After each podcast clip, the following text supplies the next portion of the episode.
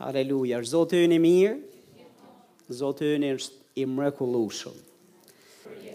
Haleluja, sot ne kemi privilegjin që në këtë shërbesë të kemi një të ftuar, një burrë të Zotit, që është jashtëzakonisht bekim për ne, jashtëzakonisht bekim për kishën tonë, dhe bekim edhe për trupin e Krishtit në Shqipëri, po jo vetëm kaq edhe përtej.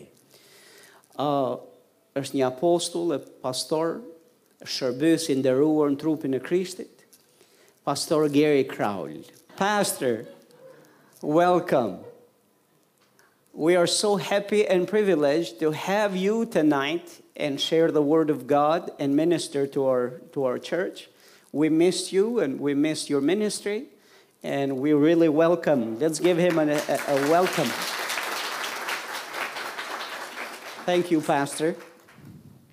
Hello everyone, it's great to see you. Përshëndetje të gjithëve, është kaq mirë që ju shikoj.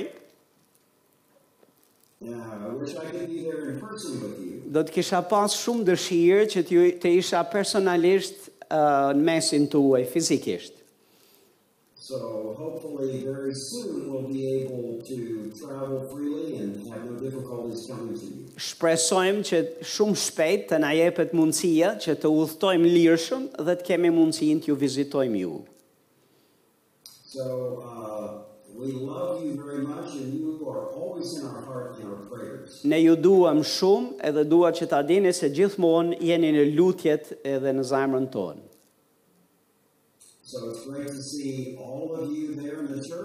Është kaq mirë që shikoj secilin prej jush në kishë.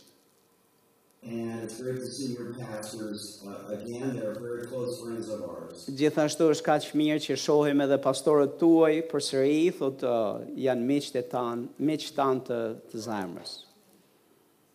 So uh, I want to share uh, a message with you tonight that talks about the importance of joy in the life of the Christian. Sot do të jem duke folur për një mesazh që është shumë i rëndësishëm për kishën e Zotit, uh, sa rëndësi ka që të kemi gëzimin e Perëndisë në jetët tona. Kështu që le të lutemi së bashku përpara se të ndajmë fjalën. Heavenly Father, we're so grateful that we can come together to worship you and to receive from your Holy Spirit. Ati ynë qiellor, ne jemi të nderuar që kemi mundësinë të vijmë përpara teje dhe të marrim nga fryma jote e çmuar e shenjtë.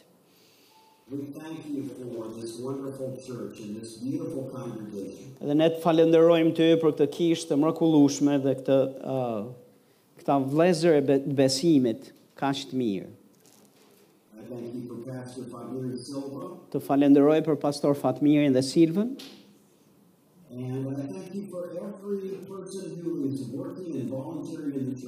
Dhe të falenderoj ty për çdo person që është duke duke dhënë nga kontributin e vet për të mbështetur këtë kishë dhe shërbesë.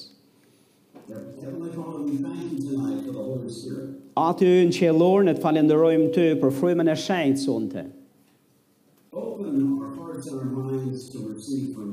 Hapi zemrat tona që të marrim dhe të pranojmë sot prej teje. Në emrin e Jezusit ne lutemi. Amen.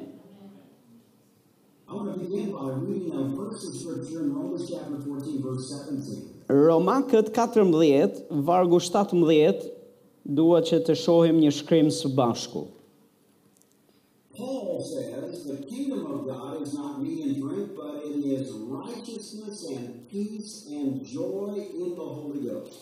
Pali thotë mbretëria e Perëndisë nuk është të ngrënët dhe të pirët, por drejtësia, paqja dhe gëzim në frymën e shenjtë.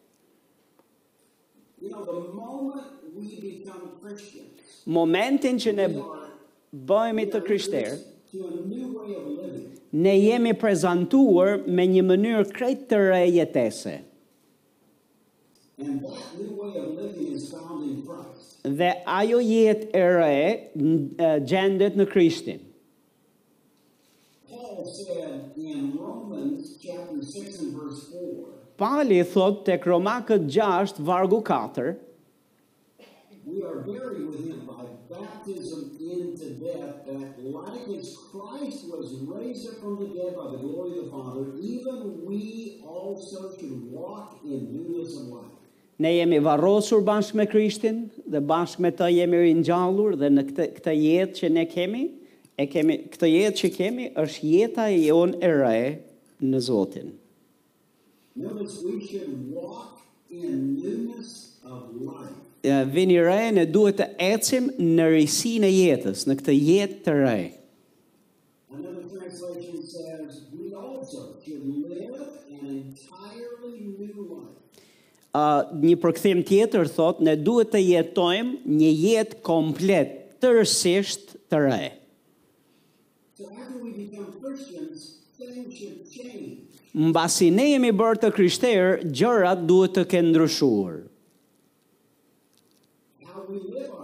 Si e jetojmë jetën? Çfarë përjetojmë në jetën tonë duhet të jetë ndryshe. Tek Efesianët 4, vargu 24,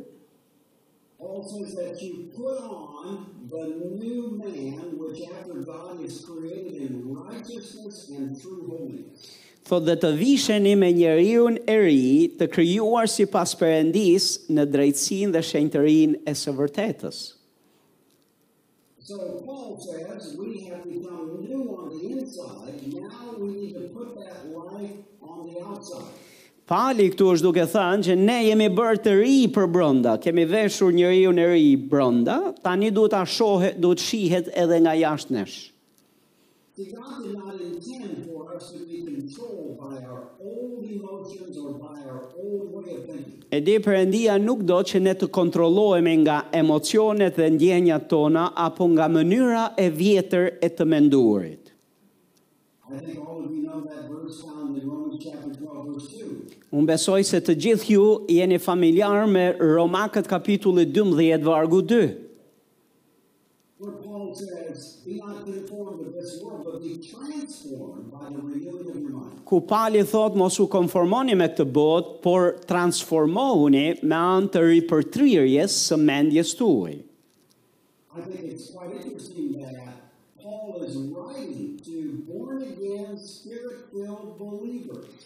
Unë besoj se është kaq me rëndësi që të theksojmë faktin se këto shkrime i janë drejtuar besimtarëve të rilindur.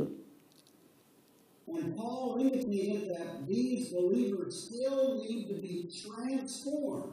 Dhe Pali thotë se këta që janë besimtarë sërish kanë nevojë për transformim. Dhe është duke folur për mënyrën se si ne mendojmë.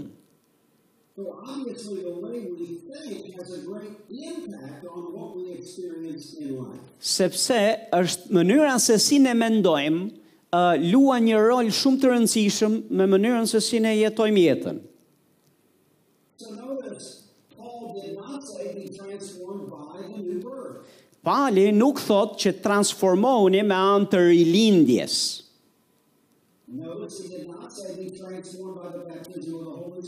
Gjithashtu nuk thotë transformohuni me anë të pagëzimit me frymën e shenjtë.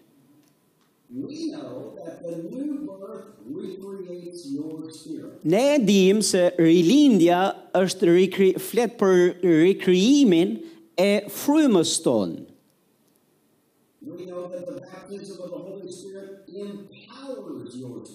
Ne e dimë se pagëzimi me frymën e shenjtë fuqizon frymën tonë.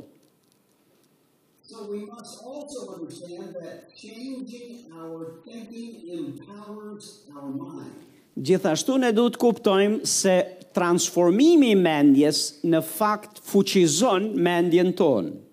Okay, okay, now. Pse është kjo e rëndësishme? Sepse çfarë mendon ti do të vendosë se çfarë beson.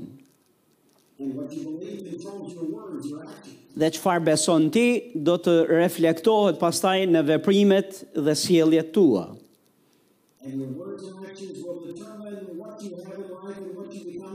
dhe veprimet veprimet dhe sjelljet tua do të vendosin pastaj se çfarë do të përjetosh dhe kesh në jetën tënde. Përveçse nëse ndryshojmë mënyrën se si mendojmë,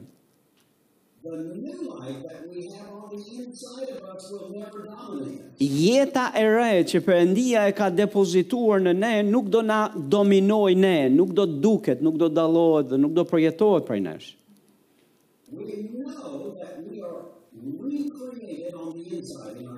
Ne dimë që kur besuam te Jezusi, jemi jemi rikrijuar, jemi krijesë e re për brenda nesh në frymë. Ne e dimë që ne jemi ringjallur bashkë me Krishtin për një jetë të re. Por Pali gjithashtu na thotë vishuni, vishni njeriun e ri. In other words, how do we allow this new nature that we have to control us and dominate us? Uh, me pak fjalë, si mund ta lejojmë këtë jetën e re që na është dhënë nga Perëndia, tani të na dominojë në jetë, të duket.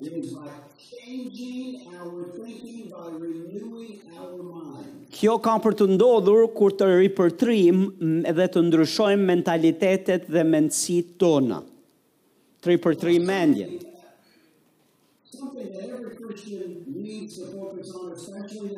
Një gjë për cilën me tek e cila çdo besimtar duhet fokusohet në mënyrë të veçantë në këtë kohë. Është diçka që duhet ta shfrytëzojë çdo i krishterë. Është gëzimi i Zotit. We know that when we lose our joy, we lose our spiritual strength. Ne e dimë që kur humbasim gëzimin tonë, kemi humbur forcën tonë. And when we lose our spiritual strength, it just seems like the Christian life becomes a struggle. Dhe nëse humbasim forcën tonë, atëherë duket sikur ecja jonë e besimit bëhet e, e, e lodhshme, e mundimshme. Duket sikur do, do më shumë përpjekje të mundimshme për të lexuar Biblën apo për t'u lutur.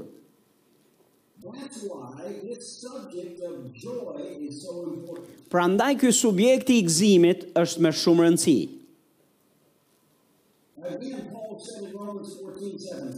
Tek Romakët 14-17 duhet t'ju rikujtoj përsëri çfarë na thuhet aty.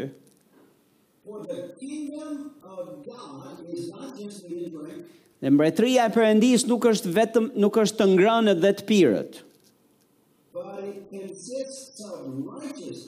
Por konsiston në drejtësi.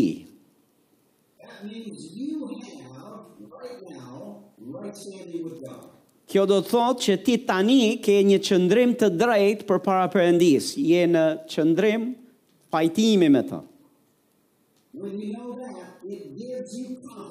Kur ti e di këtë të vërtetë, kjo të jep siguri dhe të jep konfidencë.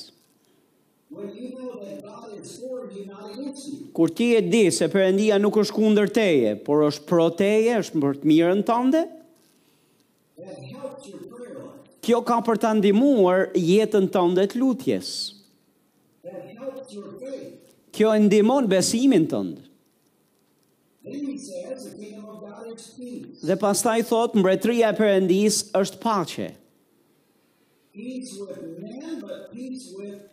Paqe me njeriun, por paqe me Perëndinë. Dhe Perëndia nuk është i zemëruar me ty. Perëndia është në paqe me ty. Dhe së fundmi thotë, mbretëria e Perëndisë është gëzim.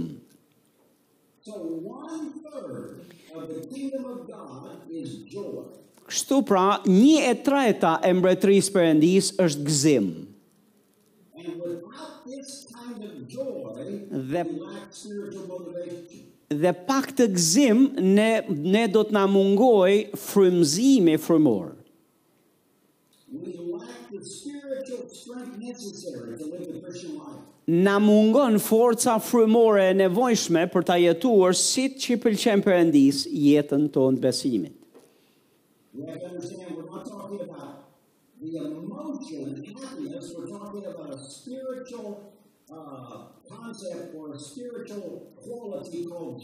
Ne nuk jemi duke folur për një ndjenjë, një emocion, por jemi duke folur për një kualitet frymor që Bibla e quan gëzim. Momentin që ti bëhesh i krishterë, ti merr natyrën e Perëndisë. Dhe natyra e Perëndisë përfshin gëzimin.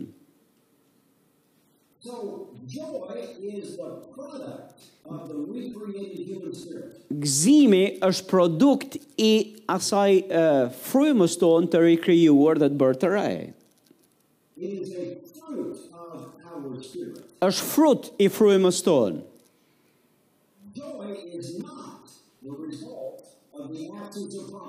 Gëzimi nuk është rezultat i mungesës së halleve dhe problemeve. Dhe nuk është i lidhur me emocionet dhe me ndjenjat.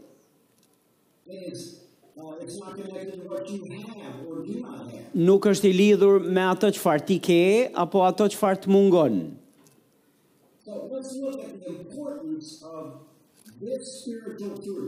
Le të shohim rëndësinë e kësaj të vërtete frymore.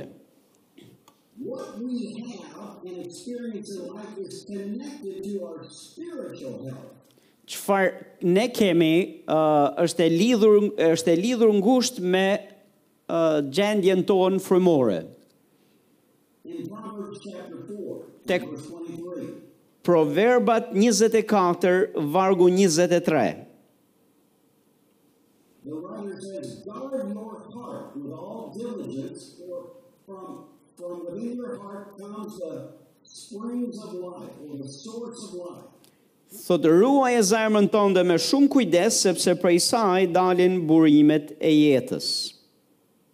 So here the writer says, out of your spirit flows the very source of life.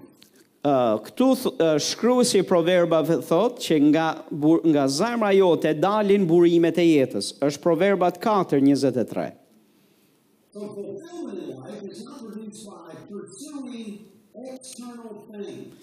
Përmbushja dhe dhe përmbushja e vërtetë nuk vjen nga Kërkimi ynë për gjërat e jashtme.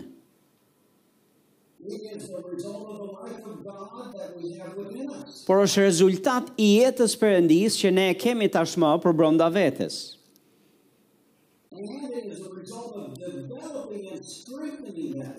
Dhe është rezultat i zhvillimit edhe uh, forcimit të kësaj jete. So, an attitude of joy reveals, your spiritual health is where it should be. Një qëndrim gëzimi tregon ose zbulon se ti je i shëndetshëm dhe je i shëndetshëm frymërisht.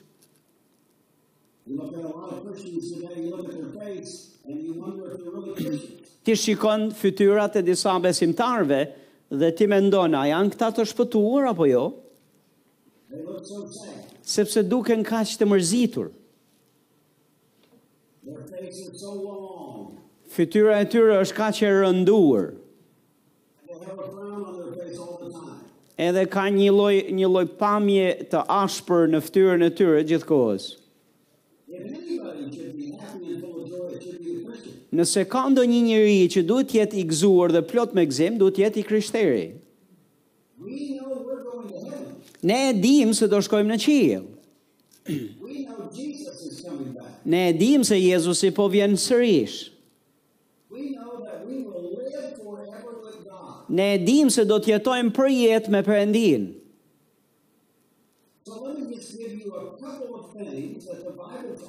Kështu që më lini t'ju jap nja dy gjëra se çfarë thotë Bibla.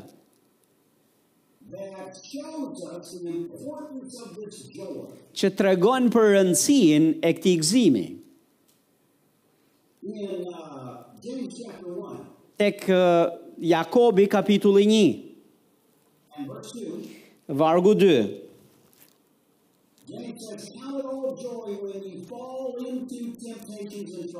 Jakobi thotë konsiderojeni një gëzim të madh kur ndodheni përballë sprovash dhe tundimesh nga më të ndryshmet.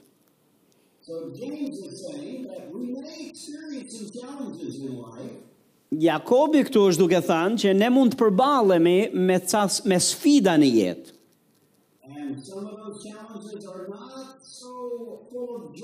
Dhe disa prej këtyre sfidave nuk është se të të prodhojnë gëzim. Por duhet ta konsideroni gëzim, thotë. Si e bëjmë këtë? Ne e dimë se Perëndia ynë i ka përgjigjet për çdo hall dhe problem. Ne kemi autoritet në emrin e Jezusit. Ne kemi fuqinë e Frymës së Shenjtë që vepron në ne.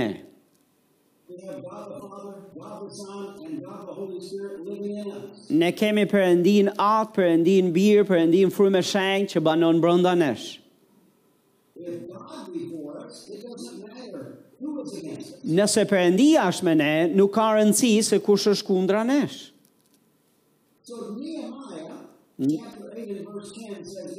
Nehemia, kapitulli 10, vargu 8, thotë këtë.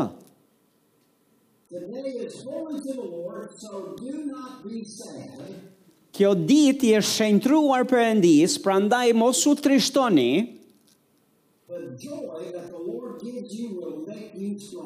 Gëzimi që Perëndia ju ka dhënë dhe ju jep, ju bën ju të fortë.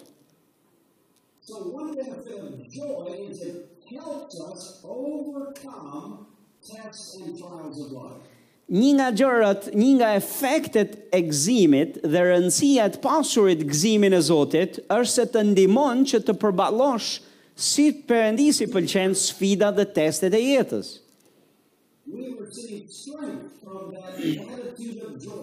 Ne marrim forcë nga ai qëndrimi i gëzimit.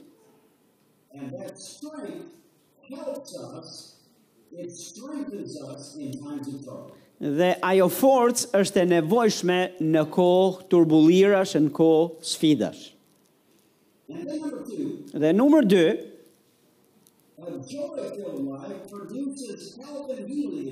Një jetë plot me gëzim prodhon shërim edhe shëndet në në trupat tanë.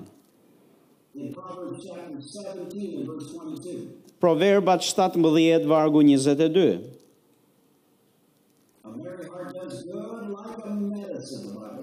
Thotë një zemër e gëzuar është një ilaç i mirë.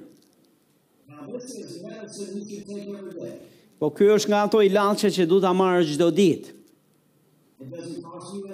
Nuk të kushton ty asgjë, dhe nuk ka efekte nuk ka efekte negative anësore.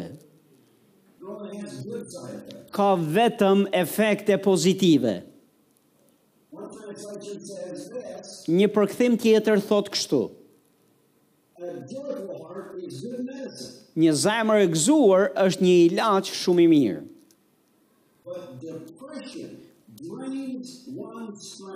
Por depresioni uh, të tha, e, i than forcat. I shte, të shterron forcën.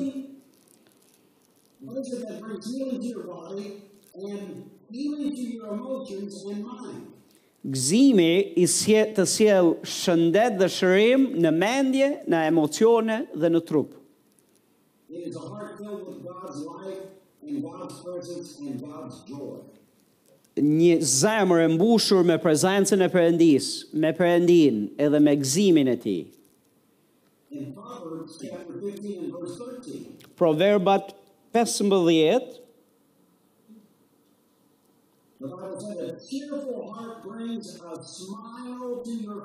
Vargu 13 thotë një zemër e gëzuar e bën të lumtur fytyrën, e bën të qeshur fytyrën.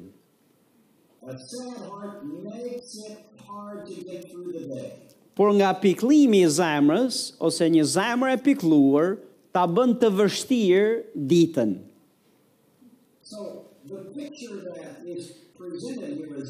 Në pamja të cila e cila na prezantohet këtu është kjo.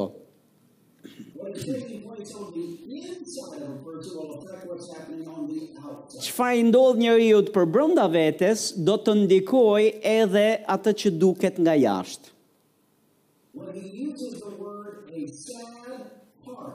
Këtu ku thuhet që një, një zemër, një zemër e pikëlluar,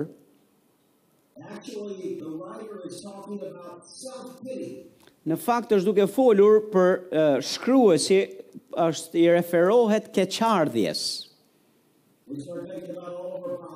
Edhe kur fillojmë të mendojmë për gjithë problemet dhe hallet tona,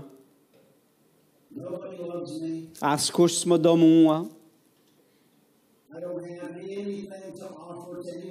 Nuk kam asgjë për t'i dhënë askujt.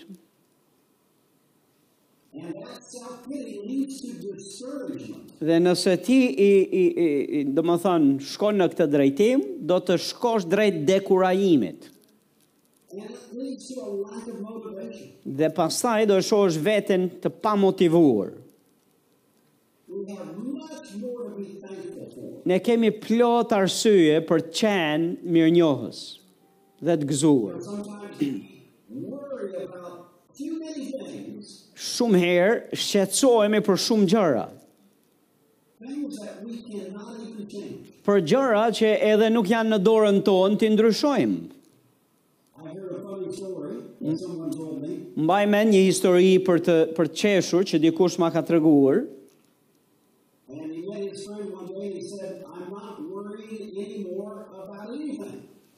Ai tha që unë nuk do të nuk do shqetësohem më për asgjë. Ai tha të, diçka domethënë kam paguar dikë me rrogë që të shqetsohet për mua.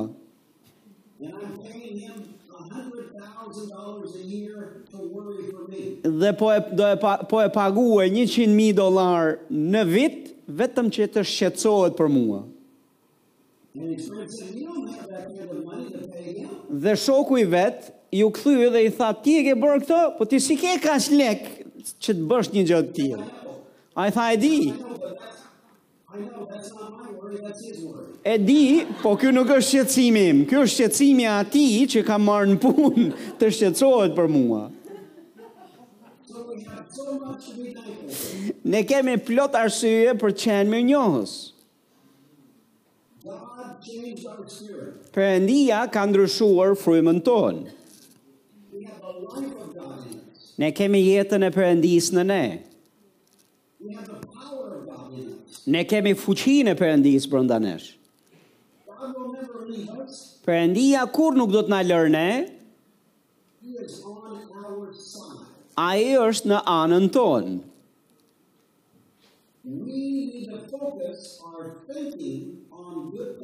Ne kemi nevojë të fokusojmë mendjen tonë tek ato gjëra që janë të mira. Këto dy vitet e fundit jemi bombarduar me lajme negative. Mm, dje po shkoja drejt makinës time dhe po lutesha. Dhe po i flisja Perëndisë në frymën time. Dhe po tregohesha i ndershëm me të.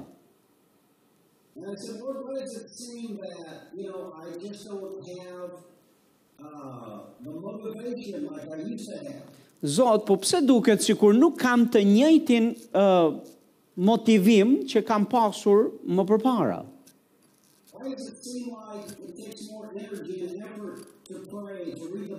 Pse duket sikur është më tepër mundim mm, që të lexoj Biblën, që të lutem?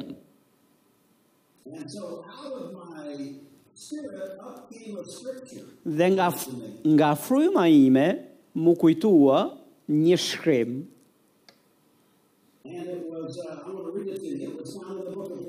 Dhe ai gjendet te libri i Filipianëve.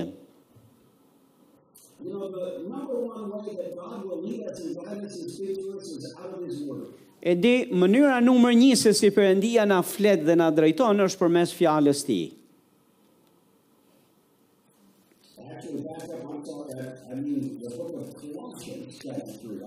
Në fakt, ju kërkoj ndjesë se shkrimi është te Kolosianët.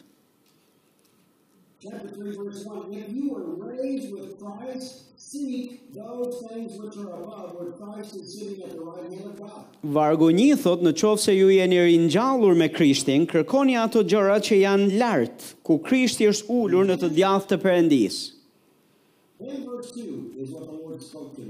Dhe pastaj është vargu 2 ku Perëndia ma ma ma citoi uh, në frymë.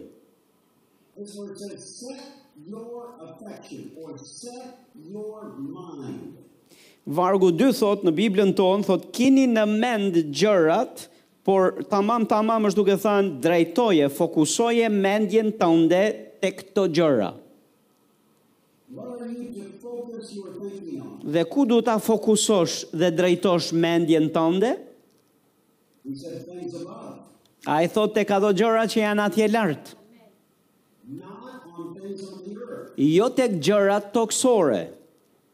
Now, that doesn't mean that you are to be irresponsible when it comes to the natural duties of life. Kjo nuk do të thotë se Perëndia po thotë ti tregohu i papërgjegjshëm kur vjen puna për përgjegjësitë e, e natyrshme që ti ke në jetë. Paul is simply talking about your thinking. Pali thjesht është duke folur për mendjen tënde dhe mendimet tua. You know, I have a tendency, um, sometimes, to listen to a lot of news on the television, and that news is usually negative. Kam tendencën që të ulem para televizorit dhe të dëgjoj lajme. Më pëlqen kjo gjë dhe shumicën e kohës dëgjoj lajme negative.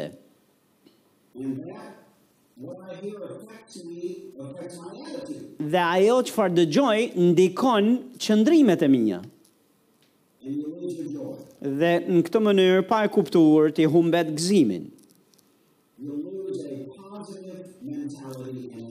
Ti do të humbasësh atë qëndrimin pozitiv. Prandaj Zoti më tha fokusohu tek unë.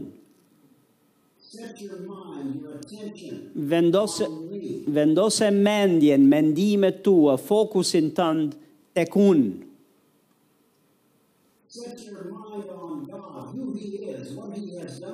Vendose uh, fokusin dhe mendjen tënde tek ajo çfarë Perëndia është dhe se çfarë ka bërë për ty.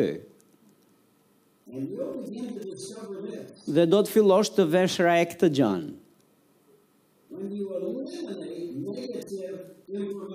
Kur ti eliminon informacione negative,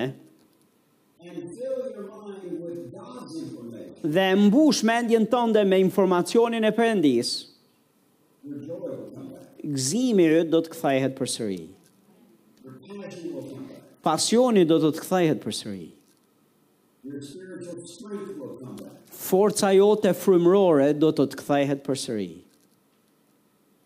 So how does living a joy-filled life change you? Si do të të ndryshojë ty në qoftë se ti je plot me gëzimin e Zotit?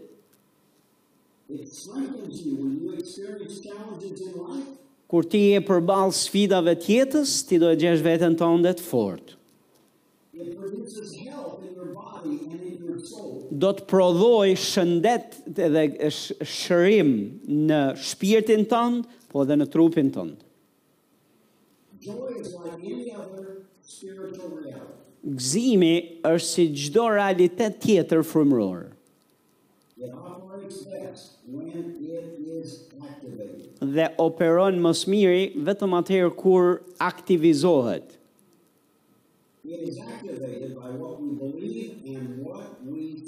dhe aktivizohet nga fjalët dhe fjalët që themi dhe ajo çfarë ne besojmë.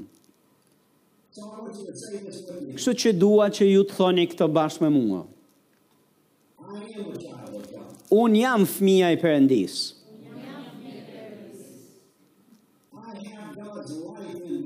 Unë kam jetën e Perëndisë në mua.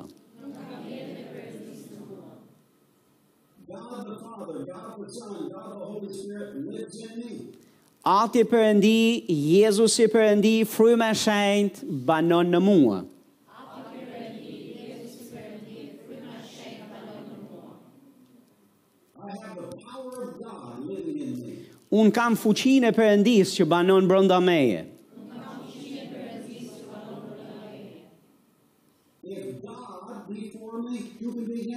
Nëse Perëndia është me mua, kush mund të jetë kundra meje?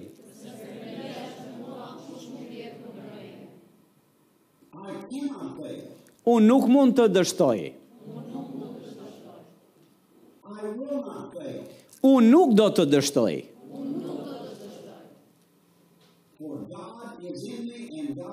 Sepse Perëndia është në mua dhe është me mua.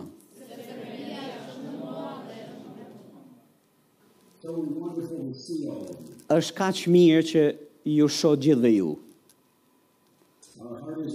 Zemrat tona janë me ju. Ne ju duam shumë.